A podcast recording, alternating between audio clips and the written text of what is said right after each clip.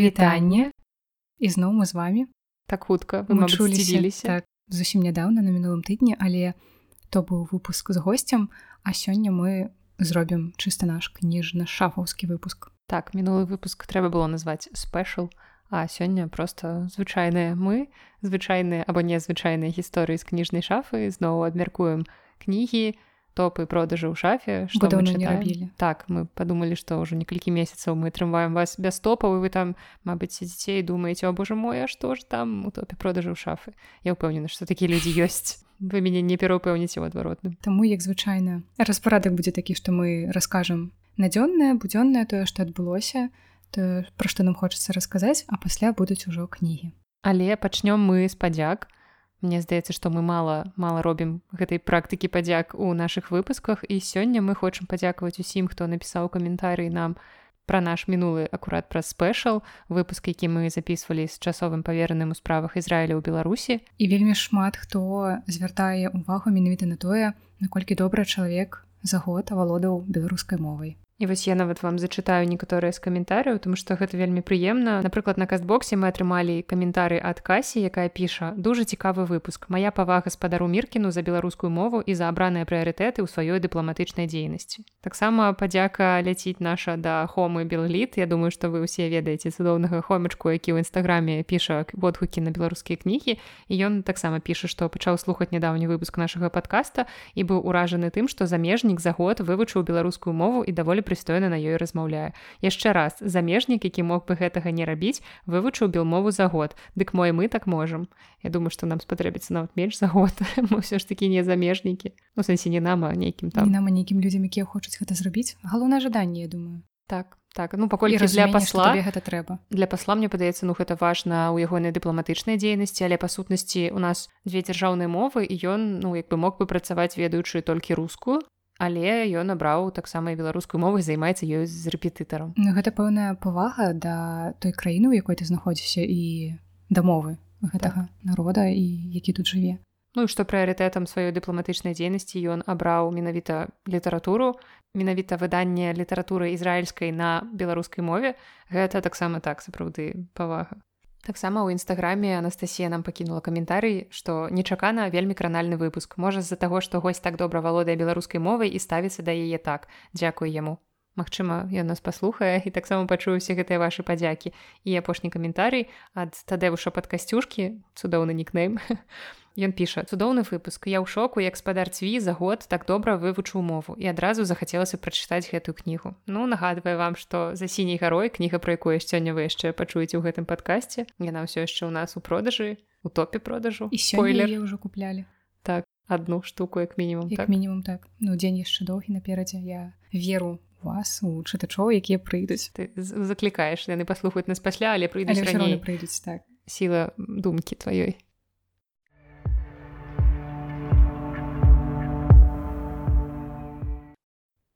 Ну і цяпер пераходзім уласна да гісторыі, якія ў нас адбыліся за апошні час. Нічога такога надзвычайнага можна сказаць было. Ну як не было? Мне здаецца адключэнне святла так, надзвычайным? Я лічу гэта было вельмі цікава. Ну, давай пачнем з гэтага тады. Я па-перша хацела згадаць тое што увогуле калі шафа толькі працавала першыя гады быў такі перыяд летам калі мы закрываліся на канікулы звычайна ў жніўні ці, ці нават у ліпені на цэлы месяц так. пасля так. здарыўся кавід і мы зусім не працавалі напэўна некалькі месяцаў. Гэта было по-мойму з вясны так некалькі месяц закранула лета і вясну. І пасля таго як мы зноў выйшлі вось пасля гэтага кавіднага заціша у свет то мы вырашылі што а чаму б нам не паспрабаваць далей працаваць летам? Таму што раней была думка пра тое што нібыта у летом гэта непапулярна усе з'язджаюць так нікому не патрэбныя гэтыя кніжкі. Але мы паглядзелі папрацавалі і зразумелі што вельмі нават патрэбныя Таму вось мы працуем. І аказалася што нам прасцей калі хтосьці хоча сысці ў адпачынак камусьці аднаму прасцей папрацаваць там ці калі нас двое папрацаваць увесь гэты час. то Я вось увогуле бессаромна пакінула кніжную шафу на тры месяцы. А я думала просто прыгадаць, калі мы сыходзілі ўвогуле адпачынак летам за гэтыя апошнія некалькі гадоў ну, не адпачынак, але ў нас ёсць такая цудоўная магчымасць, ты можаш з'ехаць куды хочаш у любы час. Ну так кажа мне насці я поеду ў карпаты і все я тыдзень працую я разумею што ну цудоўна яна правядзе час. Я разумею што я магу калі яна вернецца таксама з'ехаць mm -hmm. кудысьці на тыдзень. І гэта самае цудоўнае ну адно з самых цудоўных у нашай працы што мы можам вось так дамаўляцца і працаваць калі нам зручна і гэта сапраўды вельмі так у нас заўсёды ёсць настасся на падхваце якая таксама якая можа дазволіць нам разам кудысьці з'ехаць і працаваць тут адной альбо калі нам трэба схадзіць на гонг медытацыю так. таксама нас падхопіць або з'ездзіць на дняпро паглядзець Вось мы з'ездзілі ў маю вёску на гэтых выхадных. З намі быў наш сябар яшчэ Сергей матырка і найлепшы перакладчык. І прывітанне табе і я спраўдзільнік запушчаны чарговую сваю мару. Завесці нас усіх да сябе дадому так, казалось што бачылі іх што гэты чалавек які сядзіць насупраць мяне нарадзіўся ў настолькі шыкоўным месцы што гэта мабыць адно з найпрыгажэйшых прыродна месцаў якія я бачыла ў беларусі. Не тое каб я ажно такі вандроўнік што аб'ездзіла ўсю Беларусь але з таго што я бачыла вось гэта калі ты стаіш на гэтым стромкім беразе дняпра над абрывам і ты бачыш усю гэтую прыгажосць навокал мы посцілі гэтак трошачкі ў нашай сторыс. Ну гэта ні з чым не параўнаць і у мяне напрыклад я нарадзілася ў мінску але моя вёска знаходзіцца ў бярэзінскім раёне у нас канешне таксама ёсць шырокая бярэзіна са сваімі краявідамі але гэта трошки не так. Для мяне яна там сентыментальная па іншых прычынах але Мабыць так Мабыць вось гэты бераг дняпра это недарэмна караткевич пісаў вось такі вершы просто не мог чалавек які бачыў усё гэта ў дзяцінстве ён не мог просто пісаць дрэнную літаратуру мне падаецца Дык вось вяртаючыся да святла мы згадалі пра лета і тут якраз пра святло. Пайшла на пошту пакуль Настася тут была ў шафе прыходжу а ў нас поўная цемра і я разумею што выключылі святло не толькі у непасрэдна ў шафе а ва ўсім нашым доме і хутчэй за ўсё ва ўсім раёне таму што не працавалі нават светлафоры Таму што я яшчэ ў той час якраз ішла ў шафу я ішла па падземным пераходзе я яшчэ задумалася А чаму такі цёмны падземны пераход і таксама я ўбачыла што светлафоры не працуюць таму хутчэй за ўсё гэта быў увесь раён Ну а паколькі шафа знаходзіцца у цокалі ў падвале наколькі вы памятаеце то тут у нас даволі цёмна і вокны выходзяць проста на сцяну якая побач з паркоўкай таму тут было так ну даволі цёмна мы спыталі ў таварыстве якое тут з намі побач які займаюцца усім гэтымі справамі калі чакаць што адбываецца і яны таксама не ведалі адказу і сказалі што ну будзем вырашаць. бліжэйшы час я чула што размаўляў па тэлефоне старшыня таварыства не ведаю хто ён і ён казаў што так у найбліжэйшы час выпраўляюць пытанне выпраўляюць так але канкрэтнага часавага прамежку не было.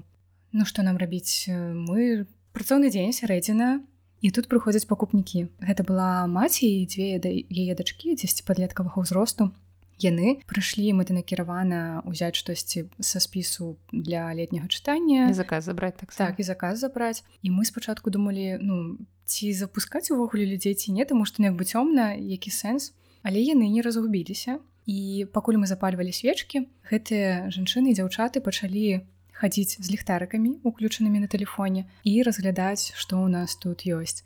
Гэта выглядала цікава. У мне чамусьці ідзе параўнанне з падводнай лодкай і не ведаю чаму.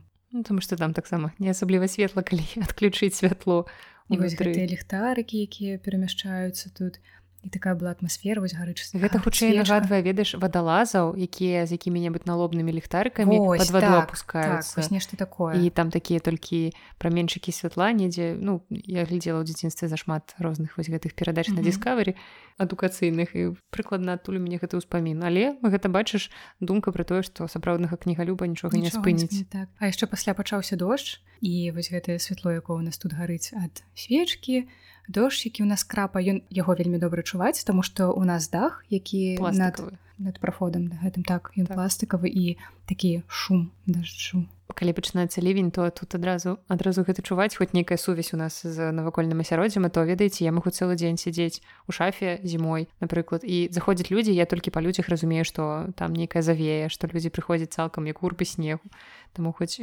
шум дажджу мы добра чуем mm -hmm. і калі ў нас адключылася святло яшчэ першае пра што я падумала у нас тут у суседніх дзвярах знаходзіцца стаматалогія я просто подумала які гэта шок калі табе свідруюць штосьці ў роце па-перша гэта і так не самая прыемная працэдура тут яшчэ святло вырубаецца Я думаю что там Мачыма хтосьці ў гэты момант на крэсле знаходзіўся. Я адчуваю ягоны стрэс і і цалкам яго разумею. Mm -hmm. это сапраўды большее выпрабаванне чым калі просто ў кнігарні выключылі святло у кнігарні без святла гэта наадварот такі новенькі экспірыенс досвед чагосьці незвычайнага. Пахадзіць ліхтарыкам па кнігарні ты нібыта дакрануўся да чагосьці забароне мы можемм прапаноўваць гэта як асобны від не ведаю задавальнення так экскурсія па кнігарні за асобную аплату выбіраеце кнігу на вобмацак мы тут ходзім і шэпчам вам на вуха. Ідзі туды.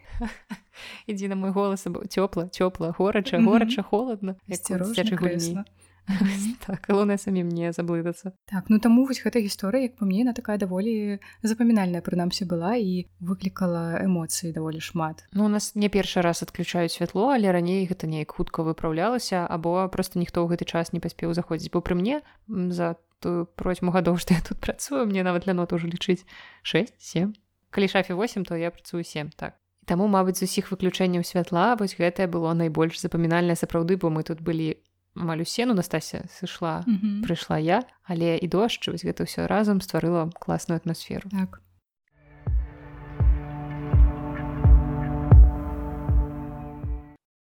Я яшчэ вырашыла што акрамя таго што можна записываць гісторыі якія адбываюцца ў кніжнай шафе я пачала записываць кнігі якія ў нас шукаюць бо раней я часам пра гэта згадвала некаторыя Але я зразумела, што многае проста прапускала і цяпер я калі ў нас штосьці запытваюць, я часам гэта гуглю, часам гугліць не трэба, таму што я ўжо ведаю, што гэта і гэта даволі цікава. вось раскажу парачку такіх гісторый пошукаў, што ў нас шукалі. Напрыклад, жанчына ну тут не нейкая цікавая кніга, але проста агулам цікавая сітуацыя, калі жанчына спытала у вас есть кнігі Сергея Кавалёва. Я адказала, што няма, яна кажа точно, а вы все кнігі наізусь знаеце. Ну ведаеце, у нас канешне асартымент колькі больш за 2000 кніг але збольшага я памятаю ўсіх аўтараў ну ну таму что гэта, гэта не дзіця две тысячи аўтараў так. ну, не асобнікаў як это сказаць кніжкі могуць паўтарацца так. і аўтары калі... могуць паўтарацца так калі запытваюць штосьці з дзіцячай літаратуры то я ўжо тады гляджу по праграме але збольшага я ведаю усіх я не магу пералічыць іх але калі запытваюць ёсць у вас так, гэта я могу уже арыентуемся. Это напрацоўваецца з досведам. Просто запамінаеш запамінаеш што ёсць. Бы гэтую кожную кніжку сваімі руками ты убіваеш у праграму. Амаль што ўсе кніжкі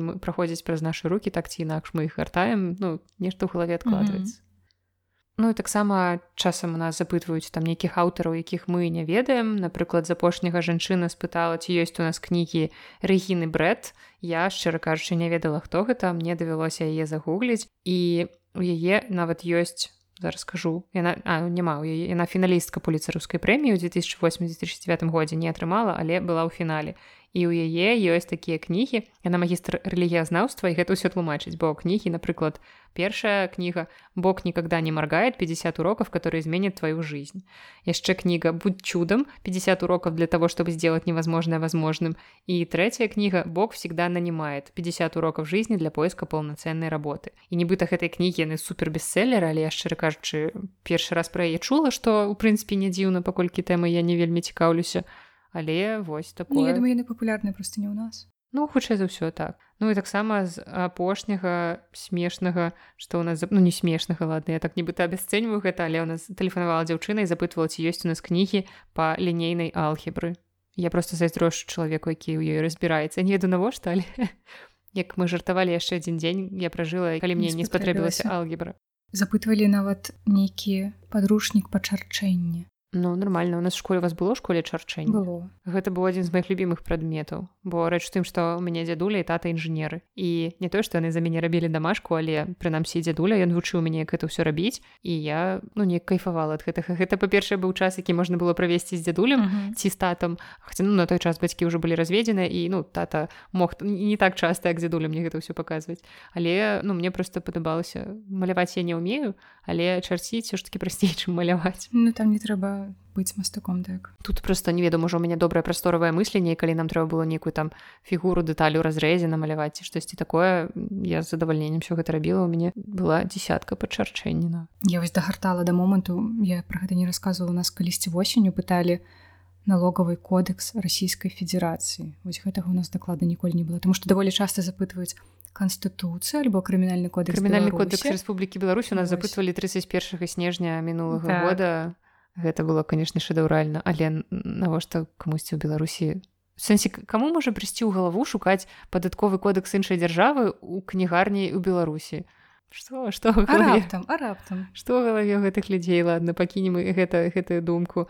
Мне таксама вось цікавага. Зайшла дзяўчына і спытала ці ёсць у нас кніга маркіза де сада. 120 дней садома Ну як бы у самой кнізе нічога незвычайнага няма просто Мабыць у нас няма мэтай аўдыторыі гэтай кнігі таму мы яе не заказваем. Я сказала ёй што няма і она кажа блин почему у вас ее нет? Я часам задумваюся я не ведаю што можна адказаць. А потым далей яна пайшла глядзець па наших паліцах дайшла да беларускіх кніжак і кажа ой у вас типа шмат кніжак по-беларуску і потым запытвае А у вас есть что-нибудь из запрещенного на беларускам языке? Я кажу что не няма яна кажа блин так што ж вы так я кажу ну як бы працаваць хочацца ўсё ж таки але як людзям у галаву прыходзіць давай такі ну, что яны чакаюць что мы такія а ёсць Пс, парень хочаш немножечко запрещёнкі і мы такія з-пад палы дастаем бахарэвіча не буду называть конкретныя творы так нельга называть конкретныя творы творы якія нельга называть mm -hmm. так сумна так, але ну на што яны разлічваюць я не уяўляю можа ну, ну можа, не то что мы такія з такой атмасферай добрай і не сеткавая кнігарня і можа быць у нас там вось гэта что мы можем праварочваць нейкія падпольныя дзелішкі не ребята мы не можем так наадварот трэба ім хіба больш яшчэ нейкай асцярожнасці і усіх вось гэтых дакументальна вывераных штук каб так. усё было аформлена добра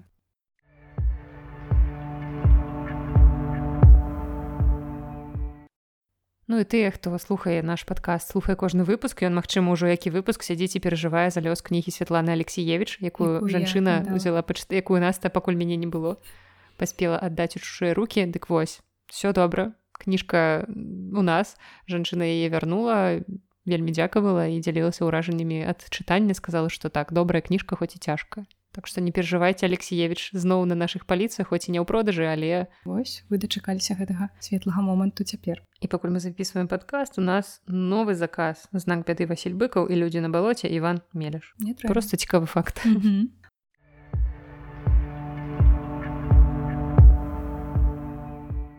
А яшчэ калі мы записывалі па-за мінулы выпуск якраз такі ўжо здаецца заканчвалі і зайшлі дзяўчаты такія падлеткавага ўзросту. І у іх першае пытанне было ў адной з іх а у вас абычны магазин или неабычны? А я была ў нейкім такім гуллівым настроі я пашу ну кажу незвычайны вось яны кажуць раскажыце ну, так нас так кажа ну что ты людзей там уводзіш у зман я кажу не ну як бы ён жа ты незвычайны хоць і звычайны так. так вось ну звычайны ў тым сэнсе што так у нас просто прадаюцца кнігі а незвычайны таму што 13 такая атмасфера столькі цудоўнага тут адбываецца плюс подкаст не кожная кнігарня так. мае подкаст Таму зараз кожная сабака мае падкаст і заўсёды калі заходзяць людзі і запытваюць А што у вас тут просто кнігарня ці там яшчэ штосьці я адказваю просто кнігарня а потым пра сябе такая думаю ну сэнсе просто кнігарня гэта не, не просто. кнігар але не ўсім гэта патлумачыш? І не ўсім так. трэба гэта тлумачыць. Ну як бы звычайныя людзі которые разумеюць яны адразу заходзяць і разумеюць што вось тут такое утульнае зручнае так. Таму я просто уже гляджу на чалавека і ці гляджу на настрое мне не так часто ён бывае гуллівы як у нас. Ты але я стараюся таксама сачыць за тым каб ну не грузіць чалавека лішняй інфармацыі mm -hmm.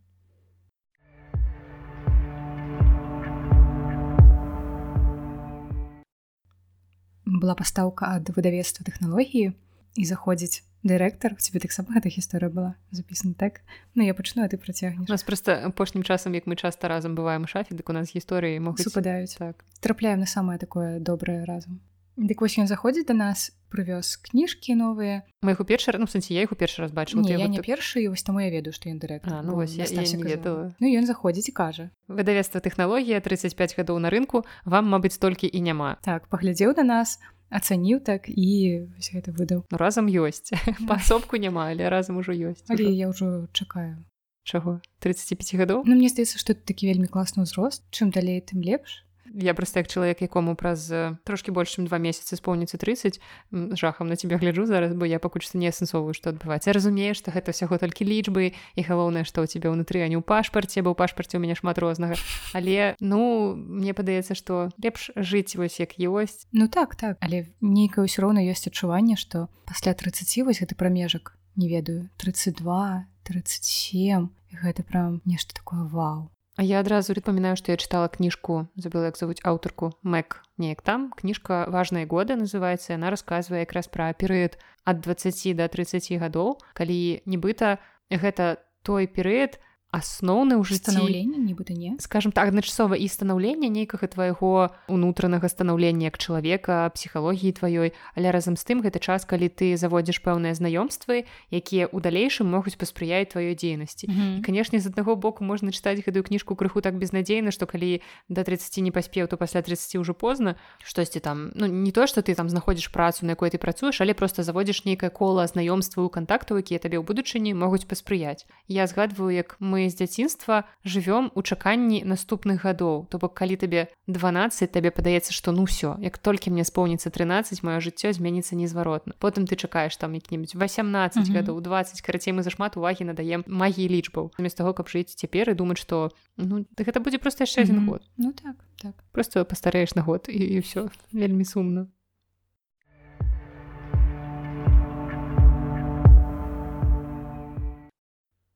Я вельмі люблю, калі да нас у шафу заходзяць дзеці, бо гэта заўсёды вельмі непрадказальна. Дарослыя, у прынцыпе, таксама бываюць непрадказальныя, але ў іх менш смеласці на непрадказальнасць і у нас былі маці з дачкой і дачка вельмі прасіла маці купіць налепкі я наказала ей мам ну давай купім эти наклейки ну пожалуйста ну ради меня і я кажу якая лоўкая маніпуляцыя маці глядзіць на мяне і кажа да у нас полный дом этих наклеек я бачу адчай у вачах жанчыны і ведаю что так. Калі дзецям даць у руки налепкі яны могуць просто у тебе шпалеры будуць цалкам складацца з налепак і паўсюль куды далезуць куды дастануць руки там і будуць гэтыя налепкі але яны ўсё ж таки их купілі все ж таки маніпуляцыя ну ради меня спрацавала але не рабіце так калі ласка. Гэты трук быў выкананы прафесіяналамі не паўтараць яго ў звычайным жыцці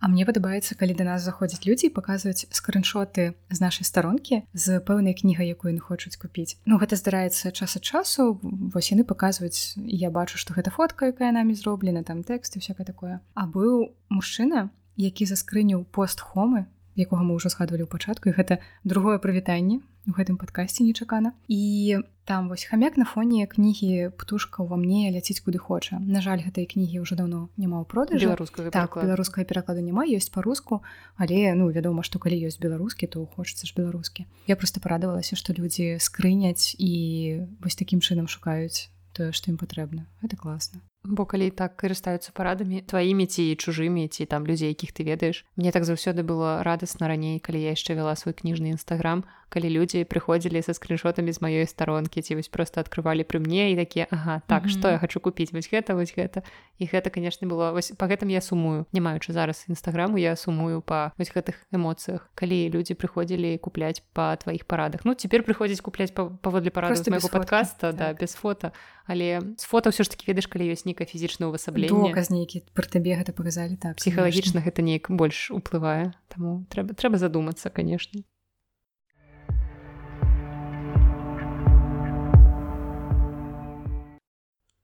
На днях заходзіла бабулька да нас шчыра кажучы не часта заходзіць людзі такога сталага ўзросту. Раней была бабулька якая прыходзіла да нас на буккросінг брала кніжкі потым доўга адпачывала сядзела тут як бы зразумела у нас тут лесвіцу гэтую трэба яшчэ пераадолець і шлях уніз і шлях уверх складаны даволі. Але гэтая жанчына спытала ці ёсць у нас кнігі пра спорт. Я кажу што не на жаль нічога няма. Яна кажа ну вот спорт все рекламируют а кніг пра спорт? Нет Ну хацелася сказаць, што прынцыпе бы кнігі пра спорт ёсць, але канкрэтна ў нас няма, але ўжо я не стала яе грузіць сваімі mm -hmm. гэтымі сур'ёзнымі адказамі душнільскімі душнільскімі так можна ў пэўнай ступені сказаць так.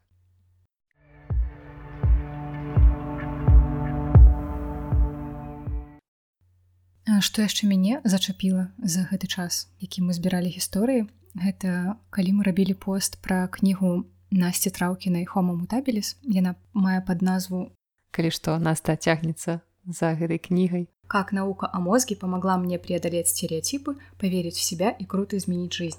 Дык вось гэты наш пост да сябе ў сторыс перапосціла сама аўтарка А я маю такі пэўны сантымент да яе таму што я гэтую кнігу чытала яшчэ некалькі гадоў таму калі яна толькі выйшла з'явілася мне не спадабалася.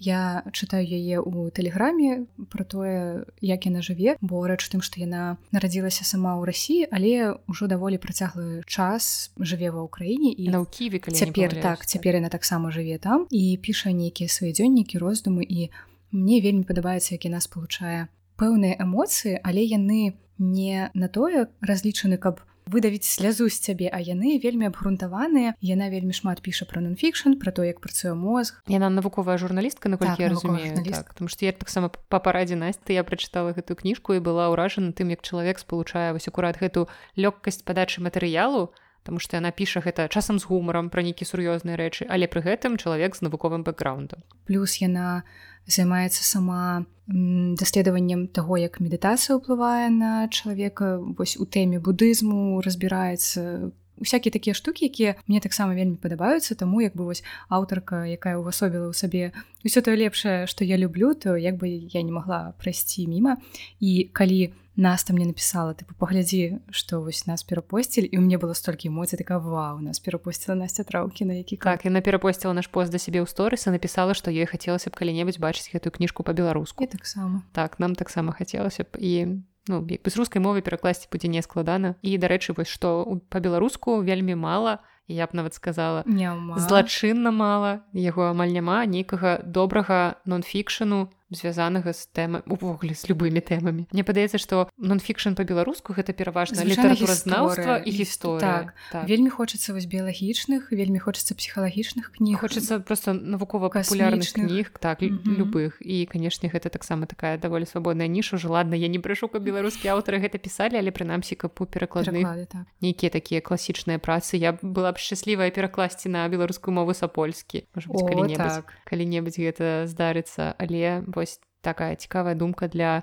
беларускіх выдаўцоў што можна пачынаць жа з нейкіх папсовых твораў перакладаць харары. mm -hmm. так абсалютна адэкватныя кнігі але якія такія даволі папулярныя можна сказаць. Все адразу засумавала што блин я вот ніколі не задумывалась задумалася над тым што мы абмяркоўвалі там у апошніх маіх падкастах про тое што у нас няма фэнтэзі mm -hmm. то толкам няма дэтэктываў толкам. Як бы ёсць але ну як бы і няма. Вось і цяпер я загналася яшчэ па тым што у нас навукова папулярнага няма што не дзень то сацыяльныя расстройствы ад літаратуры навошта навошта мы гэтым займаемся скажы мне? Таму што мы мазахісткі Я думала ты пазітыўна адкажа што добрага ўсё ж таки больш таму мы гэтым займаемся ну ладно ладно. Мы працуем дзеля вас і сябе вось атрымліваючы вашыя водгукі і каментары. Але часам часам бываюць такія каментарыі якія не каментары дакладней пытанні наведвальнікаў якія ставяць мяне ў тупік. Мне падаецца што ты таксама сутыкалася з такім калі ты просто не ведаеш што адказаць. Бывала так. Ну мы здаецца людзі якія ўмеюць размаўляць. Я б не сказала што мы там супер прамоўцы але як бы ў нейкай незвычайнай сітуацыі можам выкруціцца. І вось людзі ну часам задаюць такія просто нейкі дзіўныя пытанні накшталт ці чыталі вы усе кнігі якія тут ёсць я кожны раз адказваю по-рознаму кожны раз стараюся выдумляць штосьці дасціпна але часам мне просто гэта надакучвае. І ну як бы я ў прынцыпе магу адказаць на гэтае пытанне. Але часам усё ж таки бываюць пытанні якія людзі задаюць я просто губляюся. Напрыклад жанчына заказала праз інтэрнэт-кнігу самы адзінокі кіт на свеце гэта прыгожая дзіцячая кніжка. Яна прыйшла ў кнігарню до нас забіраць гэту кнігу самавывазам і кажа а вы не подскажаце почему эту кнігу так сложно найти я задумалася кажу не веду не складана вот у нас у продажы ёсць просто што можа яна даволі давно выйшла у нас неяк так заляжалася а ў іншых кнігарнях яна ўжо знікла бо накладаў няма ну вось па сутнасці як бы я змагла адказаць ёй на гэтае пытанне але менш дзіўным ад таго яно не стала. Mm -hmm. правда.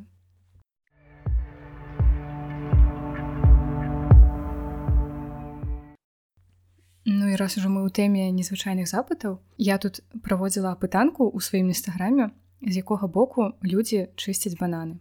Таму што прыходжу я аднойчы ў шафу. Тут сядзіць матырка, наста і матырка купіў бананы і мы сядзім усе разам, ён пачынае вельмі дэманстратыўна чысціць гэты банан. Дэманстратыўна з такімі каментарыямі, гледзячы на нас, тыпу вось, паглядзі, што я з ім раблю, паглядзі, як я яго здзекваюся. Я не разумею, што адбываецца. Я высвятляю, што такое і нас адказвае, што ну вось глядзі, нармальныя людзі чысцяць банан з таго боку дзе ножка а матырка чысціць там дзе вось гэтая пімпачка чорная. Я кажу ну я таксама чышчу з таго боку дзе пімпачка чор... тут я зразумела што навука ворагі просто як можна давяраць гэтым людзям якія чысціць банан з таго боку? Не разумею. І мяне гэта так зачапіла што я вырашыла вось правесці пытанку з якога ж боку мае знаёмыя ці вось людзі якіх я больш-менш ведаю альбо зусім не ведаю але ёсць контакт у нстаграме як яны гэта робяць і я атрымала столькі каментарыяў як Мабыць я не атрымлівала ні наводнае там ненаводную сторыс ненаводнае пытанне Мне падаецца калі б ты выклала какое-нибудь аголенае фото оно атрымала б менш каментарыяў хутчэй за ўсё так потому что больше важно. Ведаеце часам калі мы думаем часам бывае так што мы думаем над назвай подкаста вельмі доўга але 16 выпуск будзе называцца банан гэта важна і все ты мяне не пераупэўніш ну, добра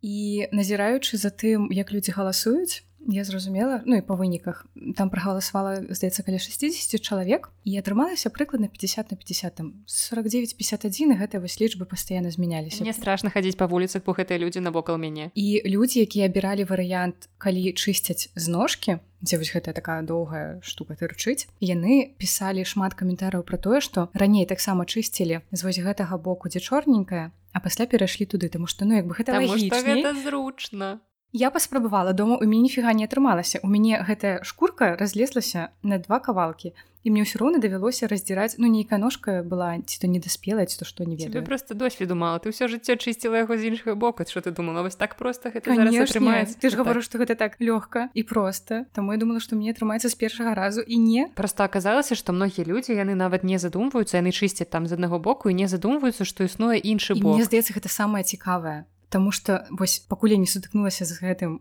тут у шафе я не думала нават што можна з боку ножкі чысціць. Мне думкі такой не было. Вось я раней сутыкалася з гэтай сітуацыі я ўсё жыццё чышчу гэта з боку ножкі з боку калі бананы ў гронку mm -hmm. такую змацоўваецца вось з гэтага боку і аднойчы я ўбачыла таксама як чалавек есть з іншага боку. Не паспрабавала рабіць так ну просто я была малая мне было цікава. Такі эксперыментатор і я пачысціла і зразумела што гэта нязручна таму што твае руки пэцкаюцца аб гэтую ну ты атрымліваецца мякаць банана руками ма гэта трэба ну ці гэта трэба неяк пазногцем ну краце у мяне не атрымалася mm -hmm. гэта тэхнічна зрабіць так каб гэта было зручна я працягнула чысціць як чышчу але падумала про тое што вакол мяне ёсць не зусім здаровыя людзі зараз ад нас все подписываются хто так робіць але ну, вы разумееце что я не сур'ёзна гэта кажу. Канешне вы можете чысціць з якога боку але раю вам звярнуцца да спецыяліст ладно гэта все жарты конечно. І нават моя сестра написала мне что яна калісьці таксама звярнула на гэту увагу і нават глядзела відэа з малпачкамі як яны едуць гэта навуковы так, падыход что что там у малпачак? Яна кажа ну не таксама прыкладна палова на палову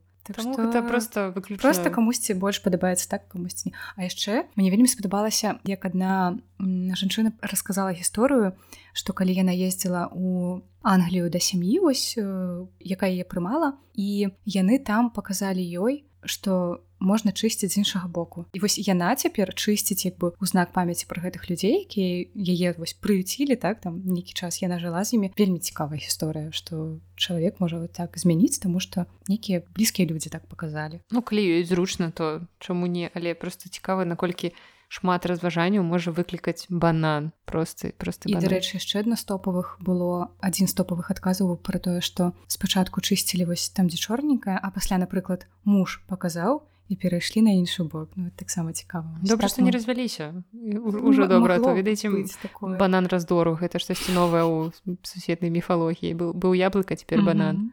І я просто подумала вось калі ты мне рассказывала гэту гісторыю пра Англію про тое што там так чысцілі у нас там больш прынята па-іншаму я яшчэ задумалася есть такая штука гэта сталовыя прыборы ну пераважна мы чым карыстаемся? Відэльцам і ножом і таксама людзі карыстаюцца імі па-рознаму я стала заўважаць і я зразумела што калі не памыляюся я чытала про тое што ёсць заходні спосаб карыстацца гэтымі прыборамі ёсць амерыканскі што у заходнім спосабе у нас звычайна нож ляжыць справа відалец ляжыць злева ты ножом там што рэзаць зручней правой рукой. Ну гэта я кажу пра там сітуацыі калі вы не ляўшун а праўшун чалавек які карыстаецца больш правой рукой то вы рэжаце правой рукой ножом і кавалачак наколваеце на відэлец у левой руцэ і як бы ўсё нормально. А ёсць нібыта амерыканскі спосаб, калі не памыляюся, то яны ядуць у іх таксама нож ляжыць справа, а відэлец злева яны адразаюць ножом, а потым перакладваюць відэлецу таксама ў правую руку і ядуць правай рукой гэтай адрэзаныя кавалачкі. І гэта таксама цікава, як людзі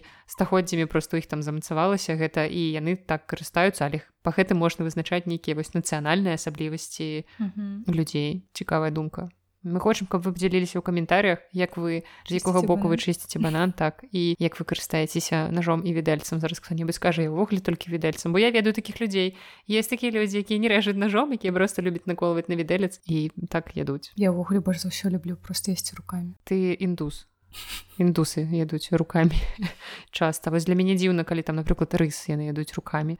Ну мне ну пляваць на нейкі там эстэтычны гігіенічны бок я магу есці руками там все што заўгодна не веду піцу ножку курыную але просто ну, некаторыя рэчы незручна так. Але збольшага даволі зручна Таму ты бананы адкрывала з нязручнага боку. З якога боку? Правакацыйнае пытанне як ты цяпер карыстаешся бананамі по-рознаму я спрабую так і так. Але пакуль што лепш усё-таки атрымліваецца па накатанай Ну ладно так і быць даруем табе гэта і вось хто б мог падумаць што кніжны падкаст пяройдзе ў такую гарачую тэму гарачае абмеркаванне так.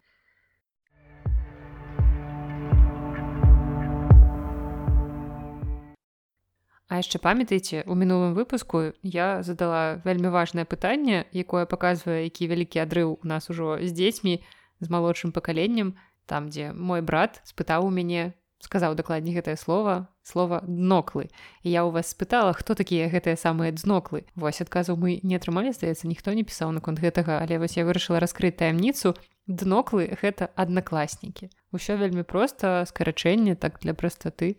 Але вось дзеці нас то мне запытвала я не дадумалася Я сама не задумалася так калі мне мой малы сказаў я думаю што дноклы якія дноклы можаш мне гэта калі ласка перакласці на маю старпёрскую мову? Притым што мы з братам у нас розніца 15 паловы гадоў мы нармальна камунікуем не той каб на раўных але я разумею што ён кажа ён можа на мяне там звярнуцца па нейкім пытанні па якім не звернецца да бацькоў і я не думала што паміж намі такая прорва але ўсё ж таки лінгвістычная прорва паміж намі пэўная ёсць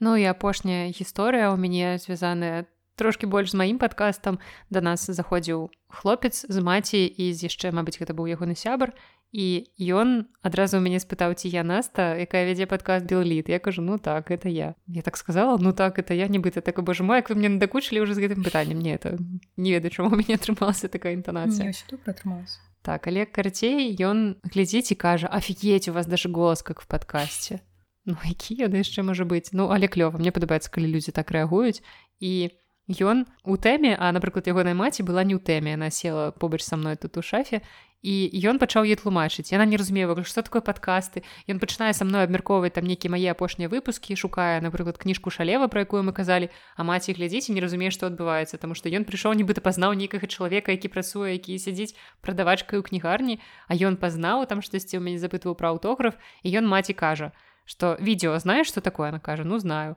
а теперь представь без видео просто звук. Вось ён так тлумачыў ей что такое подкаст. Я здаецца бабулі сваёй тлумачыла гэта праз радыё что вось гэта як радыёперадача mm -hmm. толькі не ў прамым там эфіры ці нейкі запіс які транслюецца ў пэўны час а ты можаш у любы час адкрыць аўдыофайл у інтэрнэце і паслухаць гэта як радыё Вось. Ну і канешне шмат добрых эмоцый гэтыя людзі мне прынеслі. Хлопец купіў за сіняй гарой шалева і таксама купіў генерала караля багуслава радзівіла Ірыны данеўскай і попрасіў мяне падпісаць. Я ему подпісала гэту кніжку бо ён прасіў мяне каб я агучыла вось гэтыя свае пачатковую фразу пра вітаю я нас і гэтак далей.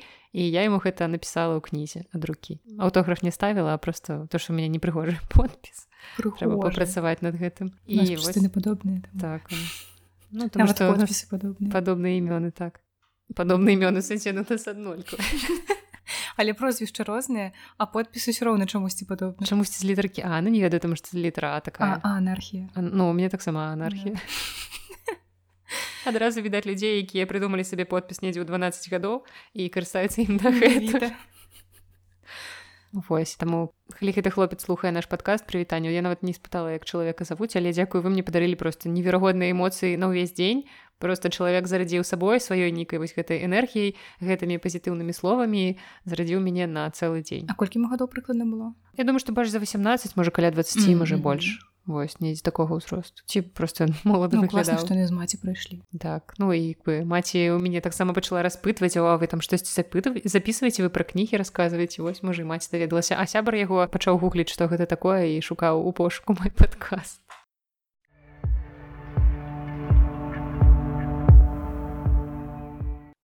А цяпер мы будзем адказваць на пытанні якія атрымалі так, выставілі мы... фотачку і спыталі маўляў можа у вас нейкія пытанні ёсць ці прапановы за увагі пра што нам расказаць і там штосьці было пра што мы зараз можам экспромтам адказаць так мы не рыхтаваліся прынамсі я не рыхтую таксама я нават не памятаю што пыталі не памятаю про то як за каханне тады мы з гэтага пытання пачнём таму што яно найменш літаратурнае хаця хаця Хаця у мяне есть літаратурны адказ на гэтае пытанне не то шукайцеся такой-то на такой старонцы так, прыходзьце на продажу толькі ў кніжнай шафе. Але карацей дзяўчына з нікам непрікаеная ў нстаграме задала нам пытанне як знайсці сваё каханне Мабыць у людзей такі вялікі крэдыт даверу да нас што нам задаюць такія важныя пытанні але у нас няма ну, мы чытаем шмат кніг Ну та, вы думаеце у кніжках напісана як знайсці каханне калі б все было так калі просто. так. то все людзі хадзілі б навокал шчаслівыя Але першае, што мне прыйшло ў галаву, гэта сядзець у кнігарні. Бо ведаеце, што асабліва калі вы цікавіцеся кнігамі, то гэта ж цудоўна, бо на да нас у кнігарню прыходзяць пераважна разумныя, адукаваныя, прыгожыя людзі і гэтыя людзі цікавяцца кнігамі як бы што можа быць лепш ідэальнае месца для знаёмства просто калі вось так да цябе ў кнігарню заходзіць чалавек які кажа табе што я прачытаў усе кніжкі з гэтай крафтавай серыі караткевіча то як бы ну все тут нікуды не падзенеся ўжо як бы мусіць узнікнуць нейкія эмоцыі пачуцці. Але ну насамрэч вось мне падаецца што ўсё ідзе ад вашых зацікаўленняў Угу. Я з тобой пагаджуся, што тут важна разумець э, сябе, важна разумець свае цікаўнасці там сапраўды, калі вам падабаюцца кнігі, то варыянт з кнігарняй варыянт. Або нейкі прэзентацыі кніг, э, культурныя мерапрыемствы. Так, калі вы ходзіце з сабакам на прагулку, то у вас вельмі шмат магчымасці пазнаёміцца з падобнымі людзьмі. Ну тут вельмі так не ведаю банальна і таксама трошки па-душнільску тому что гэта про тое что ведаць сябе про тое что ведаць чаго вы хочаце у адносінах. Навошта яны вам увогуле? Навошта вам гэтае каханне? яшчэ такое пытанне як знайсці сваё каханне. Мне заўсёды падаецца навошта яго шукаць але ну з іншага боку не будзеш ты просто сядзець. Так ну то бок сядзець не. Калі вам сапраўды гэтага хочацца то то разумець што вам патрэбна з чым вы зможаце перамірыцца ў іншым чалавеку А што напрыклад для вас нейкія чырвоны сцяжок які вы не прабачыце напрыклад і разумець гэтыя прыярытэты разумець свае каштоўнасці чаго вы хочаце ў жыцці якога чалавека вы хочаце бачыць побач разбірацца не ведаю са сваімі тараканамі у той жа тэрапіі напрыклад альбо самастойна і імкнуцца да таго каб не сыходзіцца траўмамі вось ведаеце гэта такое распаўсюджаная у нашай культуры Таму што пра гэта шмат кажуць у фільмах пра гэта шмат напісана кніг. так. раматызацыя і тое што каханне гэта калі вас прям адразу торка ад чалавека. Вось адразу. Вы ўбачылі і у вас матылькі ў жываце у вас едзе дах вы сходзіце з розуму по гэтаму чалавеку. Гэта вельмі вялікая прыкмета таго што вы з гэтым чалавекам сышліся менавіта траўмамі а не здаровымі сваімі часткамі. І адпаведна здаровыя стасункі якія будуць прыносіць вам радасць і задавальнення у такім выпадку малаверагодныя. Таму хутчэй тут разумець што можа быць ёсць чалавек з які вам проста спакойна побач але вы ўспрымаеце яго ой ну мяне ж не торка мне няма вось гэтага вау вау-эфекта так але можа быць якраз таки вам гэта і патрэбна. Ну то бок разумець што вам хочацца нас торкала ўсё жыццё немагчыма жыць усё жыццё з вельмі яркімі эмоцыямі. І немагчыма вось чымсьці гарэць пастаянна бо можна просто згарэць перагарэць спаліцца іх і так далей. І трэба разумець што у пераважнай большасці выпадкаў большую частку часу скажем так нам все ж таки патрэбен спакой і стабільнасць я конечно не выключаю што есть людзі аматары драм якім пастаянна патрэбны эмоцыі падпітка але тут зноў жа трэба шукаць у чым прычына гэтага і перад тым як там заводзіць адносіны шукаць кахання трэба задумацца ў першую чаргу для чаго вам гэта патрэбна mm -hmm. ці вы не сапраўды маеце шчырае жаданне ці вы просто хочаце такім спосабам іншым чалавекам закрыць нейкія свае праблемы і патрэбы заткнуць. Так так і гэтак далей бо вельмі часта гэта бывае што вось чалавеку просто хочацца камусьці аддаць менавіта ну аддаць сябе скажем так свае нейкі там час сілы эмоцыі менавіта таму што гэты чалавек спрабуе такім чынам ад сябе збегчы. Гэта таксама вельмі цікавая думка што калі ты клапоціся пра кагосьці іншага то вельмі часта ты ахвяруеш сабой Таму што ты не хочаш табе там цяжка знаходзіцца з сабой побач і ты чамусьці траціш гэтыя сілы на іншага чалавека Ну гэта таксама не, не вельмі здаровая так, таму новага свету мы тут не адкрылі разбірайцеся з сабой і чаго вы хочаце і навошта вам каханне просто успомніла як мы з тобой абмяркоўвалі колькі разоў мы закохваліся ў сваім жыцці нас то пастаянна у сябе ў нстаграме цяпер стварае нейкія сацыяльныя пытанкі то пра банан то пра, пра каханне дарэчы на гэтую пытанку таксама прыляцела некалькі каментараў у тым плане што што ты укладваеш у сэнс закаханасці то бок гэта просто вось гэтая нейкая лёгкасць гуллівасць нешта недаўгавечная альбо закаханасць ужо такая ну закаханасць стабільная. Я трошки нават разгубілася таму што у мяне ніколі не было гэтага такога што я там не ведаю тыдзень была нібыта закаханая а пасля ўсё перагарала людзі запытвалі якраз пра працягласць колькі гэта мусіць быць. І мы так пасмяяліся казаліся ну больш чым тыдзень mm -hmm. але ну гэта зноў жа такое пытанне сапраўды наколькі доўгі час ці ўсё роўна гэта такое вельмі асабістае. Хтосьці будзе лічыць пэўную цягу да тыдзень быў настолькі так. эмацыянальна насычаны што ім хапіла і ўсё больш яны гэтай адносіны не нагой. Таму складана такое даследаваць але цікава. Гэта тэма бесконца недарэмна гэта адна з самых папулярных тэмаў для ўсяго для ўсёй культуры ў свеце літаратуры кіно музыкі. Бо мне падаецца што гэта прычына многіх здарэнняў у свеце менавіта каханне. Так што як спявармаш ну, кажа што што? Ну, так я вось толькі хацела пра гэта сказаць што да вось недарэмна спяваецца гэта ў песні.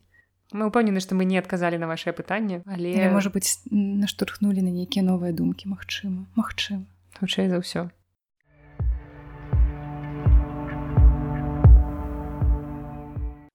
Наступнае пытанне нам задае Іван, што вы хацелі б дадаць да падкасту крамы, але не хапае чагосьці ці ёсць у планах. І тут у мяне першая думка ў галаве абсалютна прыземлена банальна матэрыяльная тое пра што мы думаем тут ужо апошнія некалькі месяцаў гэта знешняя гукавая карта і два новыя мікрафоны з XLR раздымам я вывучыла гэта вельмі складаную аббрэвіатуру бо ёсць думкі пра тое што не ну нас як бы ўсё задавальняе у прынцыпе але хочацца развівацца улічваючы колькасць падкастаў якія ў нас ёсць і таму немагчыма не думаць пра тэхніку немагчыма не плакаць калі бачыш цэны на тэхніку улічваючы што мы не зарабляем падкастам калі не ўлічваць тых людзей якія прыходзяць у кнігарню купляць кляшкі так. але мы як бы некамерцыйнае прадпрыемства. Можна нават пра кнігарню сказаць што мы блин некамерцыйнае прадпрыемства як бы сумна гэта не гучала. Нуля кажа Настасі Вось таму калі ты робіш штосьці для душы вельмі цяжка калі часам трэба задумвацца пра штосьці матэрыяльнае.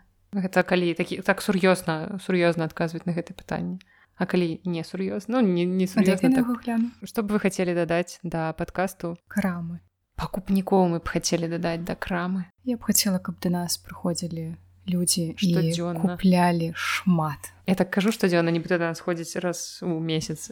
Ну каб реально было больш людзей. Я б канешне хацела яшчэ дадаць тыя выданні якія выходзяць цяпер па-беларуску але не ў беларусі але ну на жаль гэта немагчыма юрыдычна. Так пакуль што такія тэхнічныя трошачку праблемкі з гэтым якія я не думаю што вырашацца. І гэта канешне скарачае наш асартымент скажем mm -hmm. так. Плюс зараз не вельмі шмат кніг менавіта ў беларусі выходзіць. І у нашыя паліцыі яны як бы колькасць кніг на іх не змяншаецца але іх разнастайнасць бо там раней калі ў нас стаяла па адным асобніку кожнай кнігі то цяпер можа стаяць каб займаць паліцыі як бы сумна гэта не гучала там 5 асобнікаў mm -hmm. адной кнігі і не самай тоненькай так. І ну гэта трошку сумненька. Але так збольшага мікрахвалёўку я б хацела дадаць кніжны ша почему у мяне все такія прыземленыя думкі але ну, просто все нормально абед грэць таксама важно так. так бо зараз у нас канешне складанасці з гэтым. Вось ну гэта мы дзелімся ўжо такой унутранай кухняй бэкстейджам шафы бо не ўсё ж вам романтычна уяўляць про тое што мы сядзім у кнігарні і гандлюем кніжачкамі часам мы кушаем холодны абед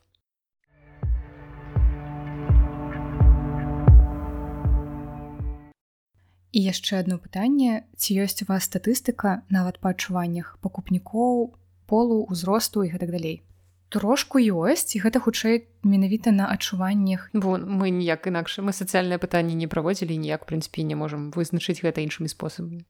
Па ўзросце я б сказала ну, мне здаецца узрост неяк прасцей. Гэта у сярэднім я б сказала 30 35 так недзе. Нашага ўзросту нават старэйшая за наш узрост. А вось наконт полу Мне здаецца, што ў нас няма такой яркай яркай выражанасці няма, але я б сказала, што мабыць жанчын трошки больш. больш так не істотна, але трошки больш. Які яшчэ крытэрыі Таму што там было напісана і гэтак далей. Мне проста цяжка ўявіць, якія яшчэ могуць быць крытэрыі. Ну пераважна гэта беларускамоўныя людзі, хаця я б таксама зноў жа 50 на 50 вызначэнне паводле мовы ну, можа 60 на 40 70, так, апош... 30 ну апошнім часам тэндэнцыя да павелічэння так, колькасці беларускамоўных ёсць але так якія яшчэ можна прывесці прыкметы окуляры слухачы нашага падкасту барадатыя лысыя слухачоў падкасту шмат. Нават калі яны пра гэта не гавораць я ведаю што яны слухаюць я адчуваю гэта. Да уж спыталі пара адчуванні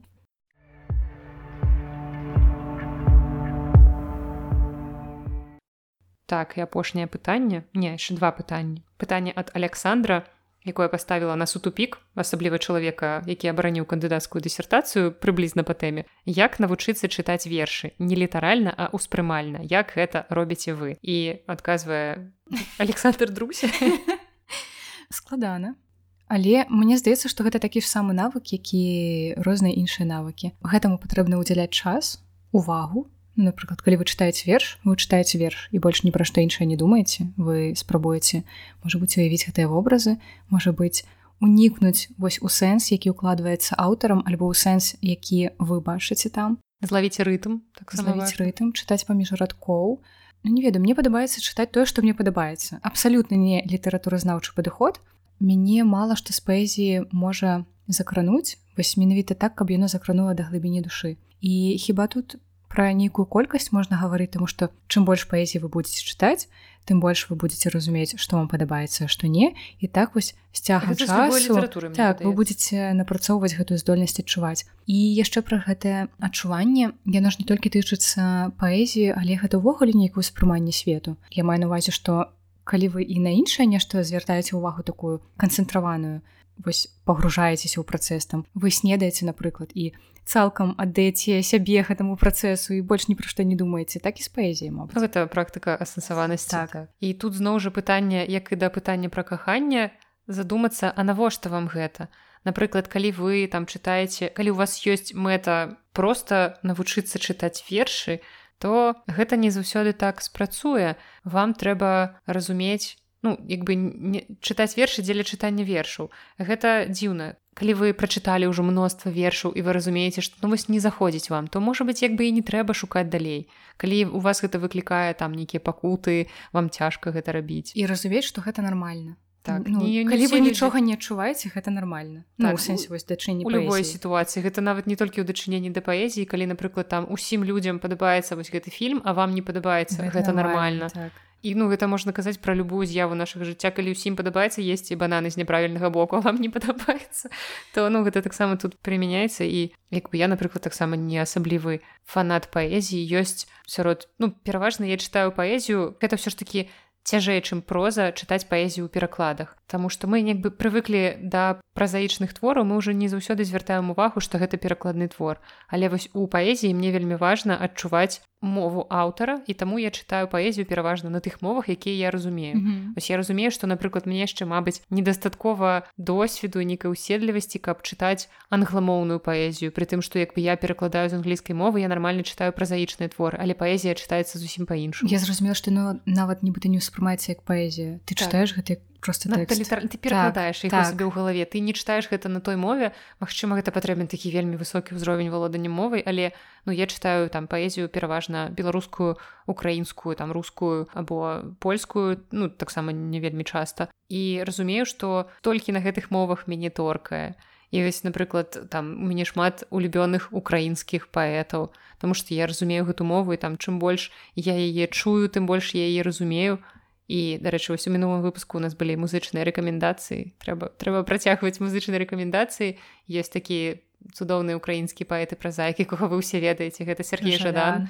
Ну мабыць няма чалавека ў беларусі які не чуў яго імя цікавячыся літаратурай. І Сергей жадан акрамя таго што ён паэт ён яшчэ і музыка. І ён вельмі круты ва ўсім што ён робіць. Ён вельмі круты празаік круты паэт і таксама круты музыка выканаўца аўтра тэкстаў і ў яго ёсць музычны праект які называется жадан і сабакі раней ён называўся жадан і сабакі в космосе mm -hmm. а цяпер чамусьці космос кудысьці знік яны вярнуліся на зямлю разу. так іхня місія на мкс скончылася так. Яны вярнуліся на зямлю і вось гэта тое што я магу слухаць бясконца апошнім часам у мяне просто ў галаве зразумела што першая песня якая ў маёй галаве круцілася там пэўны час таму гэта пра 300 кітайцаў да буду будапешту так а цяпер я просто не магу гэта здаецца апошні альбом і я разумею што я дарослы чалавек і я іду па вуліцы і ў галаве мне круціцца песня квітнуць мальвы на мамы на муганку я в трох краінах садзіў за хуліганку. Мальвы на мамы на муганку я в трох краінах сидів за хуліганку і думаю што но не так? Але пры тым што яго ёсць вось такія жартоўныя песні про то як прагрэсіўна моладзь підпаліла автозак але разам з тым у яго ёсць вельмі прыгожыя лірычныя песні кшталту река вось песня река гэта тое што я слухаю на рэпіце апошні там некалькі дзён.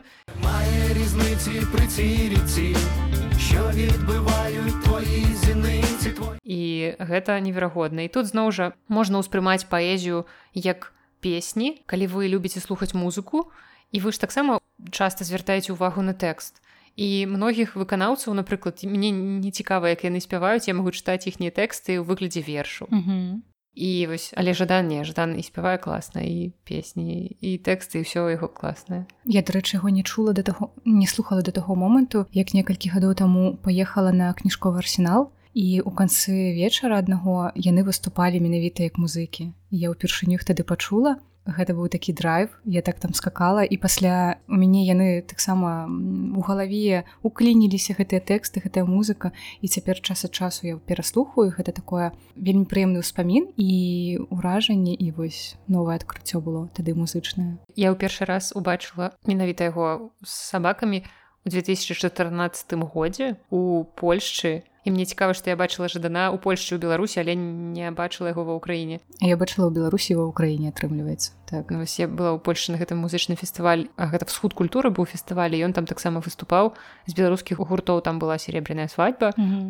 Ну але вось жадан тады мы хадзілі з рабятамі з якімі вучыліся разам у летняй школе ў Польшчы і там была дзяўчына украінка якая была ў шоку ад таго што мы ўсе ведаем яна яго не ведала. Яна ну як бы ведала пра існаванне жадана ведала што ну ёсць такі паэт як бы але яна была ў шоку ад таго што там стаіць на тоў беларусаў якія разам з жаданом спяваюць ягоныя песні па-украінску для яе гэта было такім трошку культурным шокам. І можа быць гэта неяк зварухнула ў яе у унутры штосьці гонар нейкі за тое што вось у вас такі ёсць у краіне паэт які ну як бы беларусы не надта далёкія суседзі але ўсё роўна. Яна напрыклад нікога не магла згадаць беларускіх выканаўцаў ёй стала трошку сорамна пасля гэтага. Можа быць яна маёй там накідалі імёнаў mm -hmm. можа быць яна потым пайшла і паслухала але вось такая экспрэс-рэкамендацыя про то як чытаць вершы мы не адказалі затое вершаў слухайте музыку. Так так. Ну карацей як бы вершы гэта вельмі такая асабістая штука. Вельмі інтымная. Калі вы ну калі вам не падабаецца вы не разумееце як это рабіць то як бы можа быць не варта себе мучыць але калі вам все ж таки хочацца то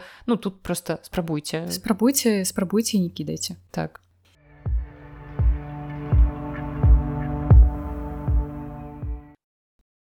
І апошняе пытанне, якое нам даслаў Яўген, якія кнігі і ў якім парадку чытаць, каб пазнаёміцца з беларускай літаратурай. І мы спецыяльна не рыхтаваліся да гэтага пытання, бо немагчыма падрыхтавацца да гэтага пытання. Таму што тут шмат фактараў трэба ведаць ваш бэкграунд так ужо ўжо чыталі ці хочаце вы пачынаць з класічнай літаратуры ці з сучаснай каб быць у курсе актуальнага і просто ну мы можемм назваць там пэўны спіс твораў ну, дарэчы парадак я супраць парадку ну у тым плане што устроіць свой порядок это адстой як спяваюць у песні mm -hmm. я маю навазе тое што парадак вы можете выбіраць самі сабе ствараць захацелі ну напрыклад у вас у вас ёсць выбарка кніг і вы разумееце Ага зараз я хочу такое такое такое па анатацыі напрыклад. Бо ніхто вам не створыць парадак вось у такіх рэчах. Яго не існуе. Гэта зноў жа вельмі такое асабістае інтымнае і у ну не ведаю. Вы сустрэлі ў кнігарні одну кніжку захацелі пачытаць. Пасля там сустрэлі найменне яшчэ нейкай кнігі вы думаеце о трэба загугліць что гэта такое там вы натыкнуліся яшчэ на нешта і вось у вас пэўны парадак такі рандомны абсалютна. Але ён не горшы чым нейкі створаны штучным спосабам. Я тут разумею что людзі якія прывыклі ўсё кантраляваць яны зараз адчуваюць просто неверагодную паніку ўзровень панікі павышаецца вышэй так у сэнсе. У сэнсе можна прачытаць одну кніжку а потым іншую і не трэба прыдумаць все наперад. Ну да бывает так час. І просто сто столькі шмат кніг якія ну як бы нібыта абавязкова прачытаць. Але зноў жа што такое абавязкова? так. для каго абавязкова? Ёсць напрыклад там спіс класікаў Вось мне таксама нядаўна задалі пытанне што вось калі класікі беларускай літаратуры жылі ў наш час ці так жа цаніліся б іх творы. І я тут пачала сур'ёзна філалагічна адказваць пра тое што ну яны ж былі пачынальнікамі там розныя багушевич купала колас яны былі пачынальнікамі літаратуры пачынальнікамі літаратурнай мовы. І яны як бы ўжо гэтым важныя але ў мяне запытваюць што ну калі б вось іхнія творы перанесці ў наш час Ну я разумею што канешне яны падаваліся больш прымітыўнымі але ну тому што яны рабілі гэта ў іншыя часы і зноў жа калі камусьці раіць пачынаць там знаёмства з беларускай літаратурай з вось гэтых твораў класічных нейкіх старых зусім чалавека можа назаўсёды адвярнуць ад беларускай так. літаратуры там было пазнаёміць ці каб пазнаёміцца з беларускай літаратурай то гэта тады трэба нейкія знакавыя творы якія створаныя былі не проста для забавы бо напрыклад кніжкі не ведаю умоўна якой-нибудь камілы цень вось гэтыя трасяначныя дэтэктывы. Я магу параіць чалавеку пачытаць просто там адпачыць для душы але я не буду раіць гэты творы як тое па чым можна знаёміцца з беларускай літаратурай. І яшчэ атрымліваецца што калі вы хочаце разбірацца у тым як гэта ўсё развівалася ідзіце вучыцеся на філфак. Ну напрыклад да альбо бярыце усе кнігі якія выходзілі храналагічна і чытаеце ну нейкі нейкі такія знакавыя знакавыя але напрыклад калі вы хочаце пазнаёміцца з не храналогіяй а нечым адметным і стылёвым то Мабыць варта выбраць аўтараў якія веду показалі ну, блин, ну, гэта ўжо поўным жанрам там постмадэрнізмам то вы уяўляеце што ў нас там у жанры постмадэрнізм працуюць там ты ты ты аўтары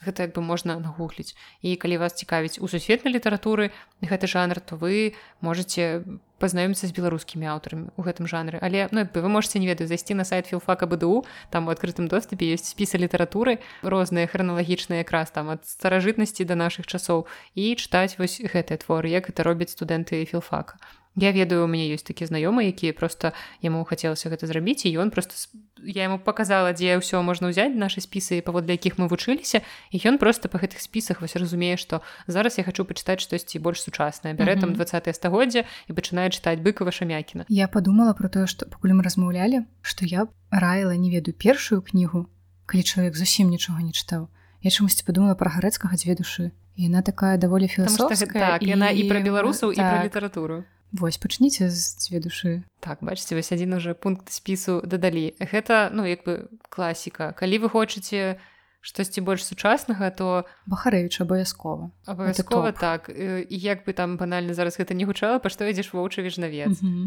Гэта такія вызначальныя творы нашай літаратуры, якія застануцца дакладна ў гісторыі літаратуры, якія будуць вывучаць там праз 100 гадоў у школах умоўна.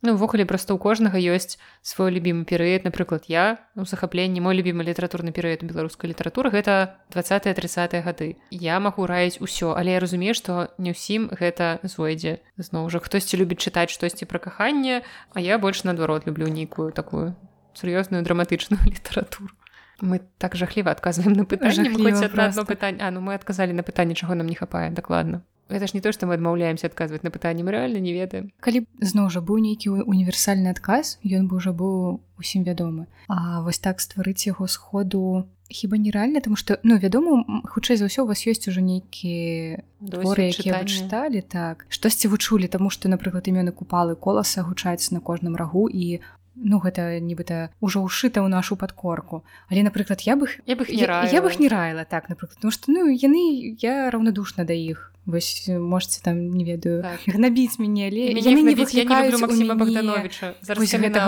Я, не, я не люблю напрыклад Масіма богдановича таксама можете мяне гнабіць за гэта але мяне не торкае я разумею што не заўсёды павінны торкаць але нават спакойна я себе не адчуваю побач з ім калі вяртацца да тэмы кахання але я люблю сучасных паэтаў і мне больш падабаецца яны мне больш блізкія але пры гэтым я люблю розных старычкоў кшталту. Гарэцкага зарэцкага чорнага гэта моя любоў бязмежная рознае просто але э, ну не ведаю так склалася што неяк вось сучасную паэзію мне чытаць цікавей і прасцей. Таму мы сёння такія бла-бла-бла а вы там самі вырашайце для сябе. Вось вырашайце самі для сябе. Не трэба нічых рэкамендацый. Бярыце тое што вам так просто взяла і скінула адказнасць з нас. Ну навошта нам лішняя адказнасць? Мне свае хапае. Ну я маю на увазе тое што чалавек хай сам выбірае што ему падабаецца Ну вы можете напрыклад спытаць у нас каб мы вам параілі канкрэтных аўтараў але зноў жа гэта будзе наше бачанне тое што мы любім.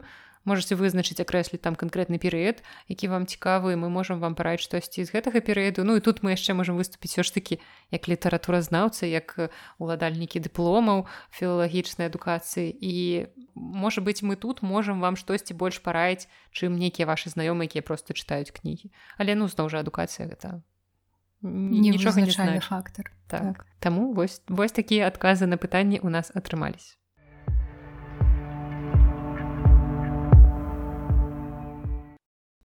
А цяпер мы пераходзім да нашай улюбёнай не ведаю у тебе а у мяне гэта пасля гісторыі улюбёная рубрика топ дзе мы рассказываем так что у нас у шафе? Яна канешне уже троху стала банальнай за апошні час тому что але мы некалькі выпускаў не рабілі але кніжкі асабліва не змяніліся у гэты раз будзе інтрыга так таму пераходзім да топу продажу кнігарні за прыкладна паўмесяцы лета з першага чэрвеня не паўмесяца палову лета. А што я сказала? Месяцы лета. Ну вы зразумелі за палову лета так, так. Ну сёння у нас будзе топ-5 звычайна у нас топ-3 але тут як бы топ-3 не змяняецца але чавёртае пятое месца тое што хочацца згадаць і мы можемм пачаць з таго што доўгачаканае перавыданне кніжкі якая ўжо паспела стаць знакамітай вядомай даволі папулярнай. Гэта кніга якая называется шэпт аўтар Сергей лескіць. І яна выходзіла год ці два таму ўжо нават не памятаю у ну, цвёрдай ну, вокладцы. Так. так яна была даволі хутка распрададзена. Людзі часта запытвалі калі можна чакаць зноў гэтай кнігі. І вось выдавецтва вільма нарэшце зноў перавыдала. Ну не зноў перавыдала перавыдала першы раз але вось зноў мы маем гэтую кнігу. Яна цяпер у мяккай вокладцы. І там новы дызайн. Мне падабаецца першы другі і я не магу вызначыцца які больш. І хочется... відавочна другі тому что она яна не шэрая яна такая больш яна выразная так? Так она больш выразная. Мне больш падабаецца вось гэтая канцэптуальная выява на вокладцы бо на першай кнізе было фото аўтара рука з нейкім з нейкімі сухацветамі так. штосьці такое. Але цяпер гэта у больш адпавядае духу твора мне падаецца няхай гэта як бы і дызайнерская праца а не фото аўтара але другая ну яе на паліцах адразу відаць яна кідаецца ў вочы сваім такім не веду гэта блакітны бірузовы мятны так. колер ціфані там бачыце як шмат колеру я ведаю яна у нас прадаецца колькі ўжо месяц можа менш за месяц ўжо здаецца за месяц і яна ўжо ў топе 5 так гэта кніга не мастацкая але канешне ж з мастацкімі элементамі тому что гэта нешта сярэдняе паміж эсэ нонфікшанам даследаваннем вясковай магіі падарожнымі натат так, падарожныя нататкі таксама і гэта кніга якіх у нас насамрэч не так шмат але для якіх вельмі шмат матэрыялаў пакуль яшчэ жывыя вось гэтыя ўсе бабулі якія захоўваюць у сабе вось гэтую народную магію скажем так нейкія вось гэтыя ўсе замовы умеюць лячыць рознымі спосабамі так рытуалы нейкія традыцыйныя штукі то трэба спіраць пакуль мы можам гэта. І вось улічваючы цяперашнюю даволі моцную цікавасць у сучасных маладых людзей да магіі скажем так умоўна магіі у не ў нейкіх містычных сэнсах а магіі ў паўсядзённым жыцці. Гэта ну даволі распаўсюджаная штука. Зараз нават не маючы на ўвазе нейкія эзотэрычныя складнікі. Але mm -hmm. карцей гэта тэма якая актуальная і мне падаецца гэта даволі цікава асабліва улічваючы што ў нас такая багатая традыцыя гэтага ўсяго яшчэ я бачу гэтую кнігу вельмі беларускай. Я не зусім разумею як это патлумачыць але яна такая ну яна такая беларуская. Цяжкая для перакладу маеш на увазе што-небудзь яна вось насычаная гэтым нейкім духам да вось гэтым вясковым духам духам гэтых бабулек якія ведаюць тое чаго не ведаем мы. Вось гэты заўсёдны нейкі трошки памежны стан беларусаў нейкая нібыта вось душа якая у ёсць у нас яна выражана ў пэўным сэнсе ў гэтай кнізе таксама. Таму вось калі вам хочется такой магіі загадкавасці калі вы яшчэ не купілі гэтую кнігу то можете звярнуць увагу на гэтае новае выданне якое ў нас на пятым месцы то по продажу за лета. Так. палову лета пакуль палову лета. Таксама на гэтым месцы побач з шэптам кніга якая ўжо была ў топах яна называется локісаў аўтар Артур клінаў і мы пра яе сто разоў гаварылі яна выйшла тры хады таму але дагэтуль папулярная. Дагэтуль так і неяк зараз мне падаецца нават усплёск папулярнасці. Я звязваю гэта з тым што просто заканчваюцца так. беларускія кніжкі якія ёсць у продажы. А локісаў як яшчэ ёсць у продажы я не ведаю які там нейкі вялізны наклад але мне падаецца яе даволі шмат прадалася mm -hmm. ну прынамсі у нас вельмі шмат. вельмі шмат. Гэтая кніга яшчэ ёсць калі вы дагэтуль адкладвалі. Вось нават наста пачала яе чытаць. Так тому что нам мы будзем абмяркоўваць яе у насценым белліце у рамках нашага пасяджэння кніжнага клуба аня гош. Мы будзем абмяркоўваць гэту кнігу бо я заўважыла што я пра яе рассказывала але зноў усплёск. Гэта так цікава тому что ты яе чытала а мы з матыркам не чыталі. І зараз просто выйшла аўдыакніга якую вось я хочу акурат да падкаста падрыхтавацца я яе паслухаю і нам нехта тэлефануе. І пакуль нас та пайшла адказваць я дагавару што вось я хачу гэту кнігу пераслухаць. І на чацвёртым месцы у нас кніга якая таксама як бы ўжо даўно ў продажы але зараз таксама дадрукавалі выданне не змянілася яно такое ж сама хаця гэта кніга ўжо выходзіла і ў мяккім фармаце і ў цвёрдым і цяпер зноў мяккім. Гэта кніга тані скарынкінай райцэнтр якую нас ты нарэшце прачытала ўжо расказвала пра яе у адным з мінулых выпускаў. Ну і мы неаднаразова я таксама згадвалі вы пра яе ведаеце працягваць нас гэта радуе. На трэцім месцы у нас вядзьмар і менавіта трэцяя частка з тых што пакуль што выйшлі выйшлі тры і мы працягваем чакаць чацвёртую. І наколькі ведаю падпісаныя правы на чацвёртую пятую. Але ў продажу у нас яна не з'явіцца. Ну, але прынамсі будзе перакладзена. Ну гэта так. Ось я спадзяюся мы зможам прачытаць яе. І вы таксама нейкім чынам зможаце. І гэта працяг гісторыі геральта з рыві і працяг яго выйшаў ўжо выйшаў вось. Я не сачу я паглядзела першы першы сезон і я зразумела што я люблю генры кавіла але генры кавіл не мой так. памятаем генры кавіл супермен класна там генры кавіл нават у ролі ген шарлока холмса граў так у дурацкім абсолютно дурацкім фільме энола холмс з мілі бобі браун. Вось але ну ён нават там як бы больш міла выглядае але ведьмар не даруйце не не моя гісторыя это мы пераскопаем на другое месца І тут як бы ўсё заканамерна мы столькі гаварылі пра гэтую кнігу і яна топе продажаў. Гэта мы ір шалеў за сіняй гарой пра якую вы можете паслухаць цэлы асобны выпуск подкаста белліт і таксама мінулы выпуск подкаста кніжная шафа дзе мы абмяркоўвалі гэта з ізраільскім паслом. Про гэту кнігу ну шмат гаворыць што давайте ўжо рабята збірайце і купляйте яе. Яна насамрэч класная таму мы праўдараем толькі тое што атрымліваецца напісаным там адпавядае папулярнаму запыту штосьці пазітыўнае бо яна даволі смешная ў ёй нягледзячы на складаную тэму засялення Ізраілю і як бы тых перашкодаў з якімі даводзілася сутыкацца людзям у гэтай непростай справе яны не гублялі пачуцця аптымізму. Ну і як мы ўжо абмеркавалі гэта спаслом Мачыма гэта нейкая такая нацыянальная рыса жывучы ў такім даволі неспакойным рэгіёне. Нават mm -hmm. цяпер людзі якія могуць захоўваць нейкі аптымізм жыццялюбства і вось гумар у гэтым ім дапамагае. Яна вельмі жыццёвая у тым плане што вы чытаеце вы разумееце што в руках трымае маеце жыцці людзей гэта вельмі цікава Ну і першае месца ёсць у вас нейкія думкі ідэі здагадкі пішыце ў каментарах гэта можа быць так непрадказальна так непрадказальна нават не хочется агучваць. Можа мне агучваць роўна все зразумеюць. Ну ладно я вывежнавец па што ідзеш воўча ніякіх фанфар і ўражанню ну як бы мы любім гэту кнігу. Ну все ну, так. Что что чытайце все что мы можем просто есть такія кнігі ведаеце якія трэба людям патлумачыць что гэта такое. А есть кнігі якія хочется просто человеку вось так уцюхаць сказать чытай не запытваю мяне пра што она просто, просто чытай ты так. зразумееш як бы хто зразумеў той зразумеў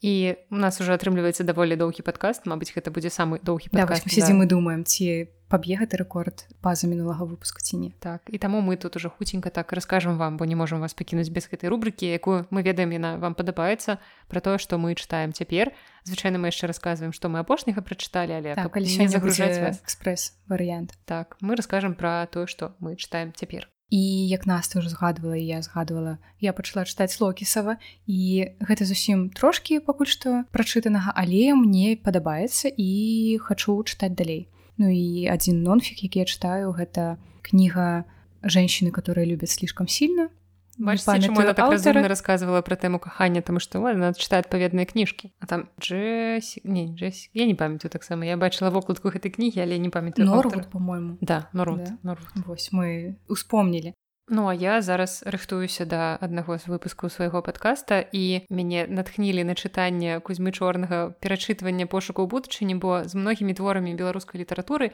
я ўжо магу нават ну, ж не скажаш знаёмлюся але карацей я іх чытаю там ужо трэці чацвёрты раз таму што першы раз гэта было ў школе паколькі я чытала ну збольшага ўсе творы школьнай праграмы потым ты чытаеш гэта в універсітэце потым ты там трошку штосьці перачытваеш там да нейкіх экзаменаў рыхтуючыся паступаць у магістратуру потым у аспірантуру і потым уже зараз у сталым жыцці не маючы за сабой ніякіх там хвастоў экзаменаў так абавязку ты чытаеш гэта ўжо для сябе для асалоды. Я зразумела што калі я перачытвала пошукі будучыні ва ўніверсітэце я тады зрабіла нейкі тэкст пра гэту кнігу на мяне ляжыць але так і не записывала пра яго напрыклад асобны выпуск подкаста а гэта значны твор беларускай літаратуры якраз мае любімыя 20 30 мой улюбёны чорны. І вось зараз я перачытваю гэту кніжку уже там 83 проценты чытаю просто на кіндле. І я зразумела что наколькі гэты аўтары для свайго часу былі наватарамі. Яны нам падаюцца зараз што ну гэта такія часы нібыта нейкі цёмныя як мы ўяўляем.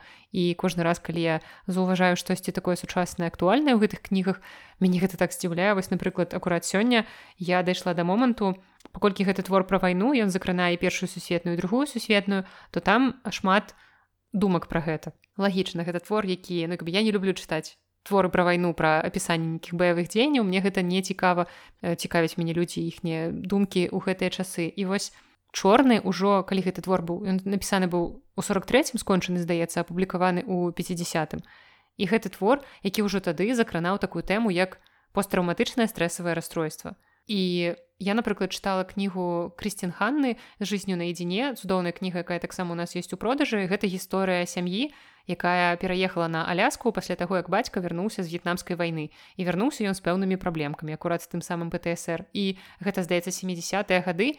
І на тыя часы нават у Амерыцы гэтая тэма яшчэ не ўздымалася так шырока. Я шчыра кажучы вось ну, не, не так знаёмая з гісторыі псіхалогіі каб сказаць у якія гады гэтая тэма стала такой важны але напрыклад я чытала кніжку доктара бесела вандерколка цела помнит все акурат пра ПТСР пра розныя траўмы і ну гэта такая тэма якая зараз вельмі моцна абмяркоўваецца і вось я сустрэла такую фразу у чорнага што напрыклад э, стары невада гэта адзін з герояў твораў ён касіў ці там сушыў сена і казаў што ён знаходзіў тут сабе вялікую разрыўку ад тае псіхалагічнай траўмы што пачала развівацца ў яго пасля першых пасляваенны год. І вось чорны ўжо у тыя часы разумее што штосьці не так і што гэта менавіта пасляваенныя гады і менавіта тады чалавек вось адчувае пэўныя зрухі ў сабе. Канешне яшчэ не называе гэта траўмай не называе гэта птср але як цікава ну зараз гэта ўвогуле страшная кніга чытаецца mm -hmm. у любым выпадку мне ну важна што аўтары якіх я люблю яны закранаюць такія тэмы і увогуле чытаючы чорнага я знаходжу просто мільён мільён нейкіх цытат ён нібыта размаўляе са мной несвядома канешне ж. Дух чорнага прыходзіць да мяне і я пачынаю там лавіць нейкія дзіўныя думкі напрыклад ну, не то знакі там ён мне кажа лепш грызці зямлю ў родным кутку чым каб цябе ліхім ветрам кідала па чужым свеце вельмі балюча ва мне там адгукаецца ці напрыклад цытата якая проста і ну і нас здаецца такое троху банальна але чамусьці менавіта банальна да нас прасцей даходзіць так што кожная дарога куды-небудзь вядзе але ты выбірай тую якая не вядзе ў прорву. Вельмі важная думка і мне здаецца што вось на гэтым можна завяршыць наш сённяшні выпуск Так я таксама захацела перачытаць чорнага. Я думала пра гэта яшчэ пасля універсітэта тому что я памятала што ён мне тады спадабаўся але не хапіла часу каб пагрузіцца ў гэта спакойна. Вось як ты казала без ну, таго што трэба здаваць это все і я адклала гэта і хіба варта вярнуцца бо гэта правда цікава перачытаць ужо такім больш сталым розумам. Вось я зараз дзякуючы падкасту свайму неяк спрабую перачытваць беларускую класіку каб расказваць пра яе людзям.